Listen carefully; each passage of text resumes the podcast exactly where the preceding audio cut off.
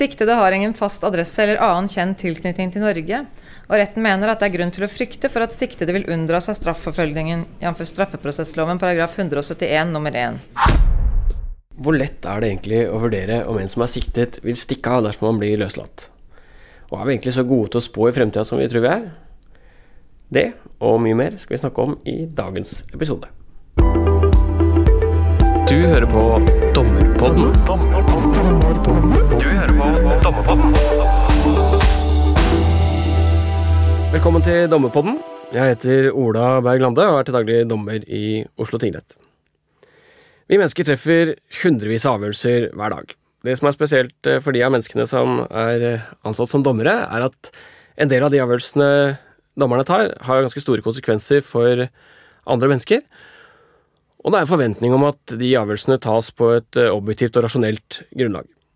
Så er spørsmålet hvor, hvor, enkelt er egentlig det, og det er det vi skal snakke om i dag. Og vi har invitert eh, Jan Ole Hesselberg til å fortelle oss litt om det. Velkommen hit, eh, Jan Ole. Takk for det. Du er psykologspesialist og jobber bl.a. med beslutningsprosesser, så, så vil sikkert mange kjenner deg fra TV-programmet Folkeopplysningen. I tillegg så holdt du et veldig spennende foredrag, syns jeg, på årets dommerseminar der du snakket om hva som påvirker oss når vi treffer eh, beslutninger. Vi syns det var grunn til å invitere deg hit for å snakke litt mer om det temaet. Det er et kjemperelevant tema for oss. Men før vi kommer dit, så kunne du kanskje si litt om eh, hva er det du driver med i dag?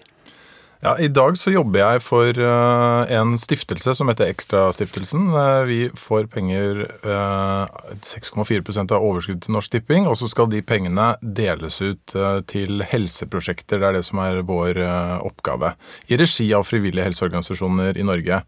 Så neste år får vi 302 millioner kroner som skal deles ut til helseforskning og til helseprosjekt i Norge. Og en av mine oppgaver er å sørge for at de Eh, beslutningsprosessene, de eh, vurderingsprosessene eh, som vi bruker når vi tar imot søknader og vurderer dem og skal innvilge dem eller avslå dem, er gode, og at de er upåvirket av, av f.eks. Ting som fordommer som folk sitter med. Så Vi må lage beslutningsprosesser som er så nøytrale som overhodet mulig. Så I så måte så ligner det arbeidet litt på Eh, på det dere også holder på med. Mm. Jeg tror Vi må komme tilbake til det litt avslutningsvis når vi skal snakke om dette med debiasing, og hvordan, hvordan dere i Ekstrastiftelsen jobber med det, og om, om, det er noe vi i domstolene kan, kan lære. Men du, du, gjør ikke bare det, du, du, holder også foredrag på dommerseminaret, som sagt. Og, og, mange av de som hører på, har sikkert uh, hørt det foredraget. Men men eh, for å liksom komme litt i gang, om du kunne liksom gi oss en kort recap om hva, hva, hva fortalte du oss der? Ja, nei, Det var et eh, foredrag som handler om eh, det faktum at våre menneskelige vurderingsprosesser og beslutninger de er ikke helt nøytrale. De har noen skjevheter i seg. Vi tar beslutninger, vi tar noen snarveier og gjør tolkninger av informasjon som fører til noen skjevheter i beslutningene våre, som på engelsk kalles biaser. Eh, som eh, man bør være oppmerksom på. Blant annet så har vi en tendens til å bekrefte standpunktene våre.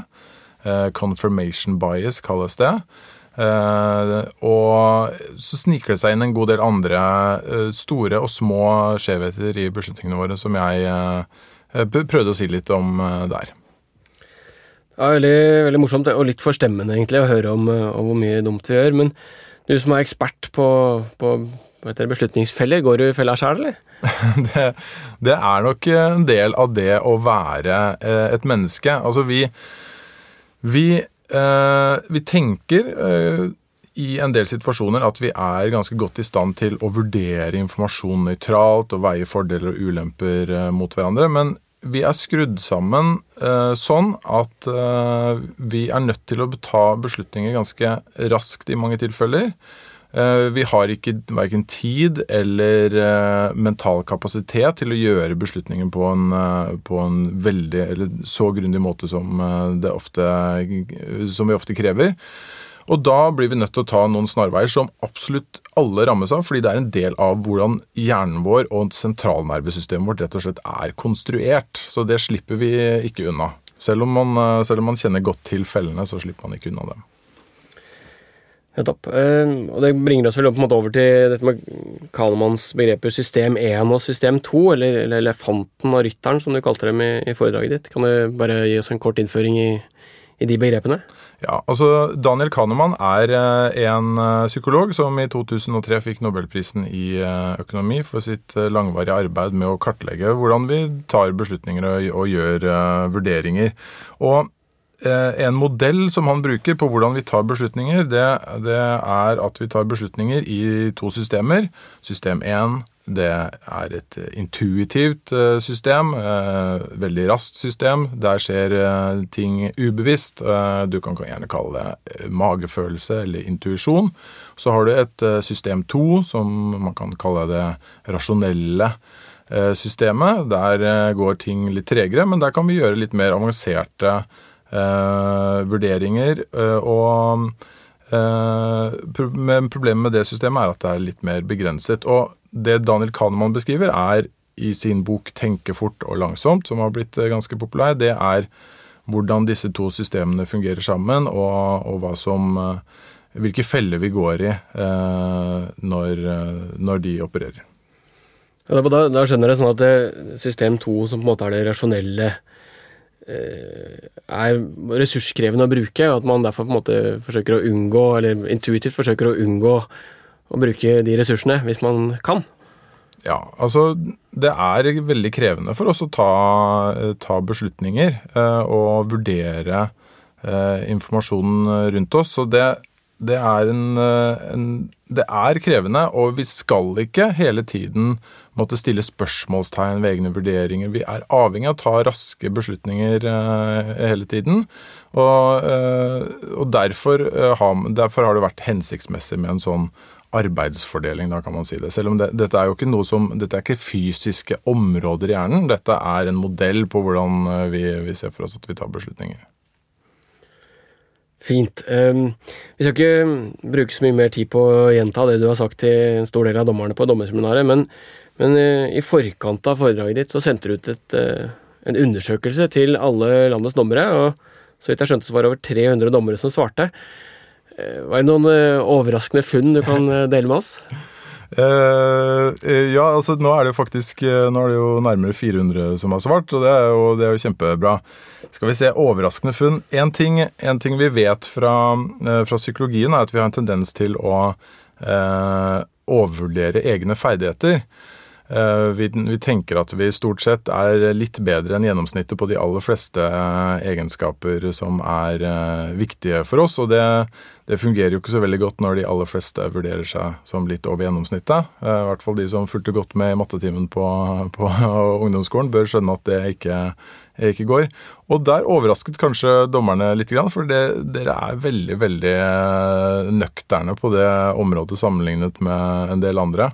Altså, dette var det spørsmålet hvor du, hvor du spurte om eh, vi ansås for smartere eller mindre smarte enn gjennomsnittet av dommerne? var det sånn? Ja, det var, det var Spørsmålet var hvor kompetent anser du deg selv å være sammenlignet med andre eh, dommere som gjør samme jobb som deg. Og Hva er snittet? Eh, nei, det, det, Der ble snittet da eh, 53, altså på en skala fra 0 til 100, som er da 0 Altså gjennomsnittet burde være 50, og så blir snittet hos dere 53. Og hele 58% av dommerne vurderer seg nøyaktig på gjennomsnittet. Det lukter litt av falsk beskjedenhet, da, akkurat, uh, akkurat det. Jeg lurer på om jeg kanskje ikke hadde den falske beskjedenheten, dessverre. Men uh, vi er altså i gjennomsnitt litt smartere enn gjennomsnittet. Det er ålreit, men ikke så mye. Ålreit. Eh, skal prøve å gjøre dette temaet litt, sånn, litt mer umiddelbart relevant for oss dommerne. Det tenkte vi kanskje kunne forsøke å snakke om temaet med utgangspunkt i en, en, konkret situasjon som vi dommere ofte vil være i, nemlig når vi vurderer begjæringer om varetektsfengsling. Vi har jo vært eh, og sett en varetektsfengsling sammen, Jan Ole. Eh, men bare for å ta en kort recap da, av det som er dommerens vurderingstema, så er det Eh, ene spørsmål, eller grunnvilkåret vi må ta stilling til, er om det foreligger skjellig grunn til mistanke om en straffbar handling eh, som kan medføre fengsel i mer enn seks måneder. Eh, og I tillegg så må det enten foreligge unndragelsesfare, bevisforspillelsesfare eller gjentakelsesfare. Og Felles for disse spesielle fengslingsvilkårene, som vi, vi kaller dem, er at dommeren må vurdere sannsynligheten for at noe vil inntre i fremtida. kan du si noe generelt om hvor gode vi mennesker, eller eventuelt vi dommere, er til å spå i fremtida? Ja, akkurat eh, det er det vanskelig å svare veldig konkret på, fordi det avhenger veldig av hva, vi, eh, hva det er snakk om å spå. Vi er jo veldig flinke til å spå om sola kommer til å gå opp eh, i morgen. Det mestrer vi alle ganske godt. Og så har du en god del ting som vi ikke er like gode til å spå om. Og det er når, når mennesker er involvert, og det er komplekse handlingsforløp som skal vurderes, eh, som har mange, mange muligheter for påvirkning. Det beste eksempelet er kanskje spådommer om økonomi og storpolitiske forhold. Der er vi veldig eh, dårlige. og Der viser forskningen også at vi, vi bommer mye, mye oftere enn vi tror. Og det mistenker jeg nok litt kan være tilfellet i en del av de eh, beslutningene som, eh, som beslutningssituasjonene som dere også står i, at det er så mange variabler at vi vanskelig eh, vanskelig kan si noe presist om hva som kommer til å skje i framtiden. Vi psykologer står jo i en del lignende situasjoner også. Vi skal vurdere sannsynligheten for Eh, F.eks. For, for voldshandlinger i framtiden. Sannsynligheten for eh, I forbindelse med tvangsinnleggelse? I forbindelse med tvangsinnleggelse, ja. Så skal vi vurdere det etter helsepersonelloven. Eh, også fare for eget liv. Altså er det en risiko for at personen begår et selvmord i framtiden. Og der viser også forskningen at vi er veldig dårlige til å treffe godt på de, de beslutningene. Så jeg vil anta at det er eh, lignende i en del av de tilfellene dere står i. Det siste der er jo egentlig veldig relevant eh, for oss dommere. altså Ikke i en varetektsfengslingskontekst, men vi har også saker om psykisk helsevern, hvor vi i stor grad lener oss på de sakkyndige psykologene og psykiaterne. Så det er selvfølgelig trist at hvis ikke dere heller veit hva dere snakker om. Nei, også, men det, er, eh, det, det, vil aldri bli eh, det, det, er noe som aldri vil bli lett, fordi det er så mange faktorer som, eh, som påvirker hva som blir det endelige hendelsesforløpet. Det som, det som, jeg synes er det interessante, er ikke det at vi, at vi, bommer på det, men det er det at vi kan sitte igjen med følelsen av at vi er gode på det. Mm. Eh, og at vi faktisk treffer på det, fordi vi, veldig, vi, får veldig ofte ikke den Vi tolker feedbacken på, på feil måte veldig ofte.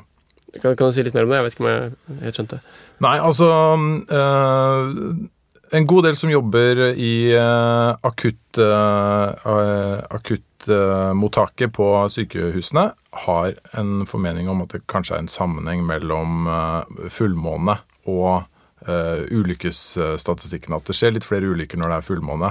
Det handler om at vi, vi vet at det ikke er noe sammenheng der, men det handler om at Eh, vi, vi kanskje ser legger ekstra godt merke til når vi treffer på de antakelsene våre, når det plutselig var veldig mye å gjøre, og så titter vi ut av vinduet, så er det en fullmåne, eh, enn eh, når, når, det motsatte er tilfellet. Så vi konstruerer Vi samler bevisene for, for det som passer med, med hypotesen vår, og så Eh, forkaster vi det andre. Og Sånn kan man jo også sitte i en situasjon hvor man vurderer ting som selvmordsrisiko og voldsrisiko og gjentakelsesfare, og få et inntrykk av at man, man, treffer godt på det, selv om man ikke nødvendigvis gjør det. Ja, da. En, en annen ting som, som um, ligner eh, Eller en annen likhet skal si, mellom uh, varetektsfengsling og dette med psykisk helsevern, er jo at vi sjelden får fasiten. Altså, de aller fleste fengslinger eh, ender jo, eller nettopp, de aller fleste begjæringene om varetektsfengsling ender med at siktede blir fengslet. Og da vet man jo ikke om vedkommende ville ha unndratt seg eller forgått seg på nytt eller forspilt bevis hvis han hadde blitt løslatt. løslatt unnskyld. Og, og, selv de som løslates, får jo den enkelte dommer veldig sjelden egentlig noe tilbakemelding på hvordan det gikk med. Kan du si noe hvordan det påvirker de vurderingene vi gjør? Altså, en, en, forutsetning for eh, læring er jo en eller annen form for feedback på vurderingene dine eller beslutningene dine, handlingene dine. Eh, vi lærer, eh, vi lærer veldig godt balanse, fordi når vi detter, så slår vi oss, og det har vi ikke lyst til å, å gjøre igjen. Og mange personer i dag står jo i beslutningssituasjoner hvor vi aldri får en ordentlig god tilbakemelding eh, på de beslutningene vi har gjort. Det gjelder, eh, sånn som jeg nettopp var inne på for psykologers del, på vurdering av dette med tvang, eh, ikke tvang, om det faktisk Hvor stor var faktisk risikoen for at det kom til å inntreffe det man vurderte. Sjelden vi får en tilbakemelding på det i det hele tatt. Og det er nok en, det er nok en utfordring med tanke på i hvor stor grad vi Eh, vi får muligheten til å lære av erfaringen vår. Det å ta beslutninger i seg selv er jo ikke nødvendigvis noe vi lærer av. Vi trenger også en feedback på de beslutningene. Eh, og det er nok mange som står i situasjoner hvor man ikke får den feedbacken. Og det mistenker jeg jo er litt sånn i mange av de tilfellene dere tar beslutninger også, at man for det første så er det vanskelig å definere hva en fasit er. Og for det andre så er det ikke sikkert at man får tilbakemelding på, på det. Det er god resonans hos meg, må jeg si. Jeg skal også litt snakke litt om hvilken betydning det har, hvor god tid man har til å, til å treffe avgjørelser. Jeg, I Oslo tingrett så, så, settes det av én time til nye fengslinger og, og 45 minutter til fengslingsforlengelser, altså der hvor siktede allerede sitter i varetekt. Og Den tida det inkluderer eh, gjennomføring av rettsmøtet, hvor siktede skal forklare seg normalt og, og advokatene skal gi sine innlegg, og så må man skrive og forkynne selve avgjørelsen. Så det er ganske eh, tight med tid. Ofte er det jo vanskelige avgjørelser som skal, skal tas. Kan du si noe om liksom, hvilken betydning det har på evnen til å gjøre gode vurderinger at man har eller tar seg god tid? Ja, altså øh, jeg, Nå er jeg ikke 100% sikker på at dette er øh, direkte overførbart, men det, det en del studier viser, er jo at når vi blir presset på tid, Eh, når vi må ta beslutninger i løpet av eh, veldig kort tid, så øker bruken av såkalte heuristikker, som vi kaller det. Det er tommelfingerregler for beslutninger, og vi, vi bruker disse snarveiene. Elefanten. Ja, ikke sant? Mm. Vi bruker den elefanten, eller system 1, oftere, eller i større grad. Eh, det sier seg jo selv også. Må, når man må ta raske beslutninger, så blir man nødt til å ta, ta snarveier. Da, da da hviler vi mer på det, og det er større utslag av disse skjevhetene i beslutningene våre.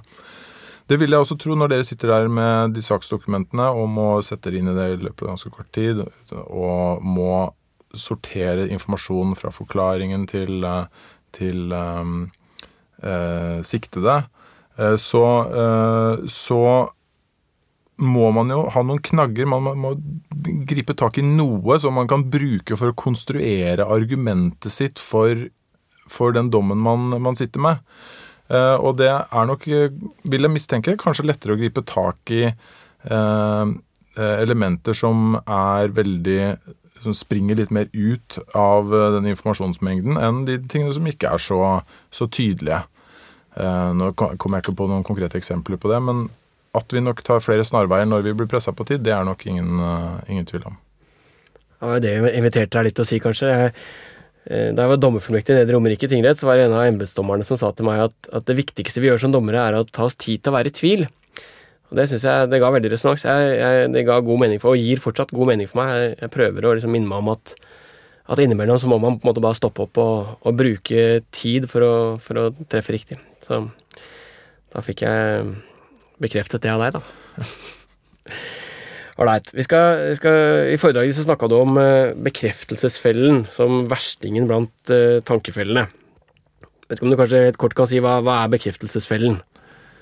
Ja, altså det er, eh, det er den tendensen vi har til å bekrefte de standpunktene vi inntar. Altså når vi, når vi, begynner å få en formening om hvordan vi skal tolke en informasjon, eller øh, hva slags holdninger vi har til øh, en ting, så har vi en tendens til å, å søke bekreftelse på det. Litt ubevisst på mange plan. Vi, vi bruker mer tid på informasjon som støtter det vi tror på. Eh, vi vurderer informasjon som går imot det vi tror på, mye mer kritisk på en annen måte enn det som støtter det vi tror på. Eh, og, og sammen så, eh, så, bidrar det til å egentlig bare bygge opp under de, de hypotesene og antakelsene vi allerede har. Og det er jo selvfølgelig ikke den beste måten å gjøre det på hvis du skal finne en slags sannhet her i verden. Da må man utfordre de antakelsene man har. Det, er jo litt det du snakka om i stad, da du snakket om eh, med månesjuke. At man, eh, når det er mye å gjøre på akutten, så ser man ut av vinduet og ser månen, og så haker man av for at da fikk man bekreftet at månesjuke er en ting. Mm. Ja. Eh, I vår sammenheng, jeg vet ikke om dette er eh, eh, om liksom dette er riktig tema, men, men eh, i varetektsfengslinger og, og i straffesaker generelt, så er det jo sånn at det er påtalemyndigheten som avgjør om saken skal bringes inn for retten. Og påtale, påtalemyndigheten har plikt til å være objektiv når den vurderer sakene sine, sånn at hvis påtalemyndigheten mener at vilkårene ikke er oppfylt, så skal den heller ikke begjære siktede varetektsfengslet eller ta ut tiltale. Så Systemet er på en måte rigga sånn at de eh, aller aller fleste begjæringer om varetektsfengsling eh, vil ende med fengsling og ikke løslatelse, og, og tilsvarende i straffesaker de fleste tiltaler ender med domfellelse. Og Det ligger på en måte i systemet, og sånn, det er vel ikke noe gærent i det, men, men kan du si noe om har det noen, eller Påvirker det dommerens vurderinger av den enkelte sak, tror du? At, eh, at det som er den typiske beslutningen, eh, er en fengsling? Altså Statistisk sett Ja. så vil, så vil eh, de fleste fengslinger ende med fengsling og ikke løslatelse. Ehm, sånn at eh, man kan jo tenke seg da at man eh, ut fra en sånn statistisk erfaring har en forventning om, når man først får en begjæring om varetektsfengsling for seg, har en forventning om at den skal ende i en fengslingskjennelse og ikke en løslatelseskjennelse. Det er jo, det er jo et uh, interessant spørsmål. Det som, det som kompliserer det, er jo For det første så er det jo, det er jo gode grunner til at det, at det bør være en overvekt av fengslinger. Fordi man antar jo at det er en, en grundig vurdering som ligger til grunn. Det er jo Påtalemyndigheten slenger jo ikke rundt seg med, med, med ønske om å fengsle folk. Det, det er jo ikke tilfeldige, tilfeldige situasjoner. Nettopp. Så det skal jo bli en overvekt av det. Samtidig så eh, er det jo sånn at det skaper, som du sier, en forventning om at det skal bli sånn. Og det er nok grunner Nå bare antar jeg, men det er nok grunner til å anta at den forventningen også bidrar til at andelen blir litt høyere enn det den kanskje eh, ville ha blitt om ikke eh, det hadde vært standardbeslutningen, eller default-valget, til eh, i systemet. Eh, fordi det, altså når, når alle parter forventer det, så har du jo både det at eh, man går inn med en antakelse om at det skal bli utfallet, men også at man kanskje ikke forventer seg like sterke reaksjoner eh, fra omgivelsene hvis man bare gjør det som alle forventer. Eh, Så du får noen sånne sosiale aspekter ved det også. Men det, det, er, det er vanskelig å vite, for det, det, dette noe, akkurat dette er det ikke forsket på, så vidt jeg er kjent med. Nei, nei det, men det er interessant eh, å høre hvordan du resonnerer uansett. Det er, eh, jeg tror nok du har rett i at Eller det er jo ikke noe tvil om at statistisk sett så er forsvarerne mer vant til å tape enn aktorene. Og at det kan være noen sosiale mekanismer der, det, det kan vel ikke utelukkes. Det, altså, eh, bare for å spille inn det, så nå kan jeg se tilbake på min tid som psykologspesialist i psykisk helsevern, hvor man skal vurdere om man skal legges inn på tvang eller ikke. Og der Det er jo vanskelig å si at Der er ofte forventningen at det skal bli en tvangsinnleggelse, var det i hvert fall da. Lovverket er gjort litt om. Eh, Men når du i tillegg da har pårørende som ønsker, eh, ønsker at det skal bli en tvangsinnleggelse, altså alle, alt det sosiale nettverket rundt en, eh, en pasient i den situasjonen også ønsker det, så er det vanskelig å si at det ikke er med på å påvirke de, de beslutningsprosessene man selv går gjennom. Det er ikke Det skal ikke spille en rolle, men det, men det betyr absolutt noe når man står der eh, og skal ta de beslutningene. Ja, det, Min erfaring. Og der er jo eh, den fengslingen som vi fulgte, for så vidt et godt eksempel. Det var en siktet som var siktet for eh, overgrep mot barn. Og det var spørsmål om det var gjentagelsesfare. Og, og i en sånn setting så kan man jo tenke seg at, uh, at den, type effekter spiller inn på en eller annen måte. Mm. Det kan man uh, absolutt uh, se for seg. Nå er det vanskelig å si noe konkret om akkurat den saken, men jeg vil, den type saker hvor, du, hvor det er en, en siktet som man kan regne med at få vil stå på barrikadene for, det er den ene siden av det. Mens du, den andre siden av uh, saken er en potensiell, mulig, svært, uh, svært alvorlig hendelse hvis man skulle ha gått for en løslatelse i den situasjonen. Da har du to, to elementer opp mot hverandre som er med på å forsterke en beslutning i retning av fengsling i de tilfellene, vil jeg anta. Eh, det vet jeg ikke, men, eh, men rimelig å anta det. Greit. Um, vi Du snakka også litt i foredraget ditt om sekvenseffekter, men du fikk liksom egentlig ikke sagt så mye om det. Um, I Oslo tingrett så har vi sånne fengslingsuker, altså vi, hvor en avdeling bare behandler fengslinger hele uka, og da vil den enkelte dommer ha flere fengslingsmøter etter hverandre. Um, og er det sånn at det har betydning hvilken rekkefølge disse kommer for de vurderingene vi gjør? Ja, det er, eh, det er, flere studier som tyder på det. Og det er en Sekvenseffekter er jo bare en sekkebetegnelse for, for uh, alle de effektene som dukker opp når man tar lignende beslutninger etter hverandre i sekvenser. Uh, og det er, det er, kanskje tre ting som jeg vil ta fram der. Det ene er at vi blir mm, forskning som tyder på at vi blir slitne av beslutningene våre. Eh, så når vi tar lignende beslutninger etter hverandre, så vi blir slitne, vi blir utmattet av å ta beslutningene. Og da har vi en tendens til å falle tilbake på de beslutningene som er de enkleste. Eller de mest typiske.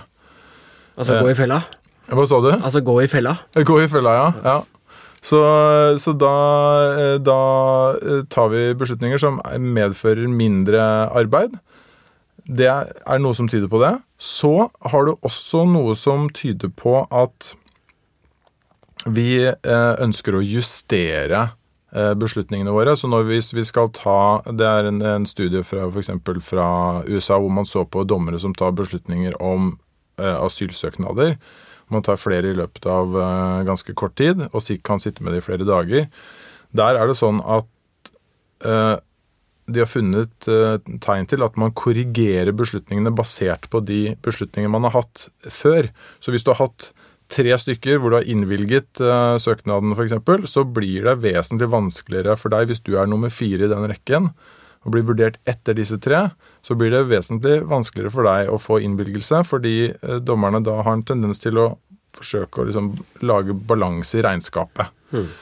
Så hvis du får en, eh, får en, dommer da, som har løslatt eh, de to første rettsmøtene han hadde på den dagen, og du er nummer tre, så, så er ikke det noen fordel, høres det ut som. Nei. Det, de anslår, de forfatterne av den artikkelen anslår at, at du Det blir 5% vanskeligere å få innvilget din søknad hvis du havner etter, eh, etter de tre. Og det er, eh, det er jo ikke enorm, et enormt stort utslag, men jeg må huske på at dette handler jo da bare om et utslag av en tilfeldig rekkefølge. Mm. Eh, og, og, den bør jo helst være eh, helt lik null. Åpenbart. Så, så er det én ting til da, eh, med disse rekkefølgene, og det, er, eh, det andre er at får, de skaper en referanseramme, de, de, beslutningene vi har tatt tidligere. I hvert fall hvis de ligner. Så i mitt tilfelle der jeg jobber nå, hvor vi skal vurdere forskningssøknader skal vurderes, så hvis du havner eh, etter noen forskningssøknader som er veldig gode, og du har, middel, altså du har en litt svakere søknad, så blir du vurdert veldig mye strengere Eh, fordi referanserammen til de som vurderer søknadene, er gode søknader. Så vi har måttet eh, jobbe med hvordan, hvilken rekkefølge vi vurderer søknadene i. Eh, hvor vi da, basert på tidligere vurderinger, må ta de i rekkefølge fra de beste til de dårligste, sånn at alle skal få mest mulig rettferdig referanseramme for sin eh, søknad. Hvis jeg skjønte deg riktig, altså, vil, er det sånn at hvis jeg har et fengslingsmøte hvor vilkårene for fengsling, varetektsfengsling åpenbart er oppfylt, altså helt utvilsomt, og så i neste eh, møte så er det litt mer tvilsomt, så vil jeg tvile mer i det andre møtet enn jeg ville gjort uten den første saken? Ja, det er kanskje sammenlignbart. Altså hvis du har, hvis du har noen som er helt soleklare eh, etter hverandre, så, så eh, og beslutningen blir enkel for deg etterpå da, eh, eller i de situasjonene, så vil kanskje det neste eh, straffes litt ekstra hardt fordi kriteriene ikke er like tydelig oppfylt. Det blir litt som hvis du går på Maemo eh, på mandag, tirsdag og onsdag, og så går du på Mækkern på torsdag, så blir Mækkern eh, straffet litt ekstra hardt fordi det har vært på det, og overvurderer dommerne litt Ole. Um, ja, det var en digresjon. Um,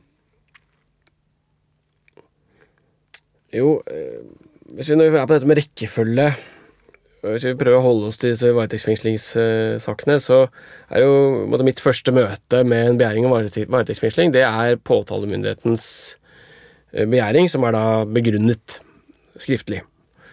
Eh, og så får jeg jo ikke egentlig høre forsvarerens syn før i rettsmøtet, som, som kan være litt seinere. Har det noe betydning for den vurderingen jeg gjør, tror du? Ja, det er gode grunner til at altså, å, å, ha den første posisjonen der er ganske Det er en god posisjon å ha hvis man skal øh, Hvis man øh, Hvis man har et ønske om et visst utfall. da. Jeg sier jo ikke at eh, påtalemyndigheten har, har ikke nødvendigvis det, men det er en god posisjon å ha for påvirkning. Å være den første som kommer med, med informasjonen. Men vil du ha siste ordet, normalt? Eller i hvert fall det er, det, det er ord, ordspråket, er ikke ja. Nei, det, både første, første, og siste posisjon er eh, bra, men det er klart den aller, aller første skaper jo et forankringspunkt eh, uh, punkt her, som informasjonen til en viss grad tolkes i lys av. Hmm. Nettopp. topp. for å forlate dette med sekvenseffekter Kan du si noe om det, i, denne Thinking Fast and Slow som jeg forsøksvis har lest, så, så husker jeg det var sto noe med et sånn forsøk med noen israelske dommere som vurderte prøveløslatelser. Jeg tror kanskje det passer inn her, men, men jeg er ikke helt sikker. Ja, det passer inn her. Det, det var litt det jeg mente med, det, med dette at vi blir slitne av beslutningene våre. Det, dette er en stor studie. Jeg husker ikke når, når den, den kom vel for ja, for noen år siden. Og Der så man på rundt 1100 beslutninger tatt i israelske domstoler om prøveløslatelse. Dommere som satt i grupper og vurderte Eh, om eh, personer skulle innvilges prøveløslatelse eller ikke.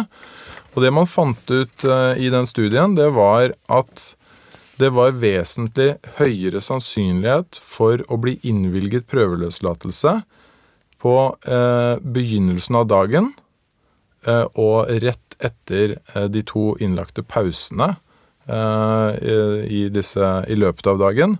Sånn at det gikk fra i begynnelsen av dagen så var sannsynligheten rundt eh, 60-70% og så stupte den ned til eh, 0 nesten, eh, rett før den første lunsjen. Og så var den tilbake igjen på rundt 70 etter eh, lunsjen. Gikk ned mot 0 igjen eh, den, eh, i løpet av den perioden, før den, før den siste pausen. Og så tilbake igjen på 60-70% etter den siste pausen, og ned til, mot 0% igjen mot slutten av dagen helt, eh, helt utrolig. Det er fristende å si at dette ikke gjelder meg, men det, det er kanskje litt eplekjekt. men der var i hvert fall en av hypotesene der er at, eh, at, dette handler om at man blir sliten av beslutningene, og at for disse dommerne så var det var det mer Det skapte merarbeid å innvilge prøveløslatelsen, fordi du må begrunne det, og det er litt mer papirarbeid enn å, å, avslå det. Og at eh, når man blir sliten, så er det lettere å falle tilbake på den enkle beslutningen. Det var én av hypotesene som ble eh, presentert der. Etterpå, hvis vi da, før vi slutter av, skal snakke litt om hva vi kan gjøre med dette altså Det at vi eh, av og til gjør eh, dumme feil når vi gjør avgjørelser, eller tar avgjørelser så høres det ut som, som én ting vi kan gjøre, er å, å ta pauser, da. det, hvis, hvis, man hadde funnet, uh, funnet, det i Norge, så hadde jo det vært en naturlig uh, ting å gjøre. Og kanskje uh, det også å sørge for at arbeidet var ca. likt på det, avhengig av, uavhengig av hvilken beslutning man, man landet på. Da. At det ene ikke er lettere enn det andre. på en måte, mm. altså, jeg til det ene. Men, eh, men eh, hva, annet, hva, annet, kan man gjøre for å på en måte sikre at de avgjørelsene vi dommerne tar, er gjort objektivt og rasjonelt? Nei, altså Bare så det er sagt med en gang, så vil jeg jo si at uh, hele rettsvesenet i Norge er jo lagt opp på en sånn måte uh, langt på vei. Altså Det er man, man, holder Man har laget systemer som skal sikre objektivitet så langt som overhodet mulig. og jeg regner med at vekt, nøytralitet og uavhengighet vektlegges veldig eh, hos dere. Og også utdanningen av lekdommere som kommer inn. Så eh, prosessene er jo, er, jo, er jo, sånn allerede. Når det er sagt, så er det jo Vi er mennesker alle sammen, og det sniker seg inn sånne tendenser eh, også hos alle. Eh, og da Hvorvidt man kan få gjort noe med det, det er et uh, ganske stort spørsmål. Han, denne Daniel Kahneman han sier selv at, uh, at, han ikke har hatt så veldig stor suksess med å unngå å gå i de fellene selv men at han har blitt veldig flink til å spotte det når, når andre gjør det. Og så slår han også et slag for at, at organisasjoner og bedrifter, institusjoner, er bedre egnet til å demme opp for deg enn det enkeltpersoner er. Altså bedre å jobbe på systemnivå enn på individnivå, mener han.